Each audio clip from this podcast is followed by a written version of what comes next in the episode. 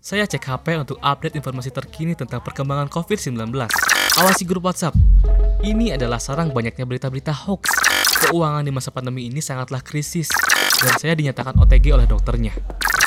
Selamat datang di Prognosis. Gunakan headphone untuk sensasi yang menakjubkan. Hai, nama saya Fadil.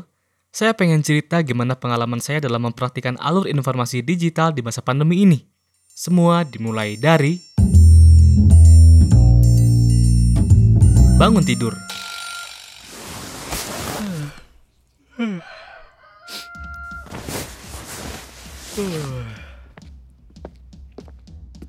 Sehabis bangun, saya langsung bergegas cuci muka. Lalu olahraga. tiga, empat, dan langsung cek HP. Saya cek HP untuk update informasi terkini tentang perkembangan COVID-19. Tentunya harus dari sumber yang kredibel ya. CNBC Indonesia. Rekor ada 21.185 orang sembuh dari COVID-19 dalam sehari. Alhamdulillah, makin baik nih. Saya selalu hati-hati dengan hoax yang ada di berbagai media. Selalu cari tahu terlebih dahulu kebenaran informasinya sebelum share sana sini. Awasi grup WhatsApp. Ini adalah sarang banyaknya berita-berita hoax. Banyak banget saya temuin. Ada berita apa ya di grup nih? Hati-hati, awas, vaksin mengandung microchip. Wah ini udah nggak bener nih. Keuangan di masa pandemi ini sangatlah krisis. Saya sebagai mahasiswa tentunya butuh sekali banyak biaya selama kuliah online ini. Dari kuota internet, biaya SPP, hingga kebutuhan lainnya. Saya dan ibu saya memutar otak bagaimana bertahan di masa yang sulit ini. Dan pada akhirnya, saya mencoba untuk berjualan online makanan ringan. Ya, hasilnya lumayan untuk bantu pemasukan di masa pandemi ini. Dibeli ya Gans. Upload. Semoga laku.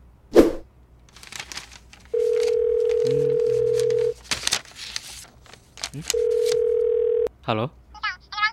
Oh, yang rasa pedas ada ada. Nanti siang dikirim ya. Terima kasih sudah order. Untuk menjaga diri dari virus, saya mencari tahu dari berbagai sumber, di mana salah satunya, saya selalu melakukan kegiatan berjemur di atas jam 9 pagi, minimal 15 menit, di mana berjemur ini dipercaya dapat meningkatkan kadar vitamin D yang mampu mencegah kita dari virus COVID-19 ini. Dan ketika saya berjemur, selalu sambil olahraga ringan untuk meningkatkan daya tahan tubuh.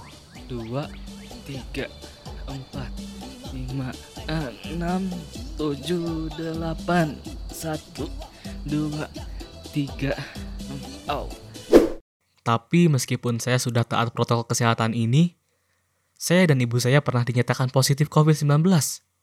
Sebelumnya ibu saya merasakan gejala-gejala, dan saya mencari informasi tentang gejala-gejala itu, Gejala Seperti batuk, COVID-19. demam, dan gejala lainnya. CNN Indonesia. Oke. Setelah berkonsultasi via Satgas COVID di daerah saya, saat itu saya bergegas ke rumah sakit terdekat. Dan hasilnya, ibu saya positif dan saya dinyatakan OTG oleh dokternya. Kami lantas melakukan isolasi mandiri. Saya tetap cari informasi di berbagai media digital tentang penanganan selama isoman ini, karena aksesnya sangat cepat dan mudah dicari, seperti mengonsumsi obat yang dianjurkan dokter, berjemur seperti yang sudah sering saya lakukan, dan sambil tetap berkonsultasi dengan dokter via online. Oh gitu ya dok. Kalau sekarang sih ibu saya udah nggak ada gejala lagi ya. Cuman kadang lemes aja gitu. Kalau obatnya udah sering diminum rutin dan gak lupa berjemur sesuai anjuran dokter. Makasih ya dok. Saya isolasi mandiri sekitar 14 hari dan dinyatakan sudah sembuh. Sekarang, saya tetap bertekad untuk menyebarluaskan informasi yang valid tentang pandemi. Agar semua orang, terutama kerabat saya, tahu akan informasi-informasi ini, seperti informasi yang sekarang sangat dibutuhkan seperti alat kesehatan, oksigen, dan lainnya. Dan agar terhindar dari selintingan kabar hoax tentang pandemi. Karena saya sadar, peran informasi digital ini sangatlah penting dan dapat diakses dengan cepat di masa yang genting ini. Saya Fadil, sampai jumpa.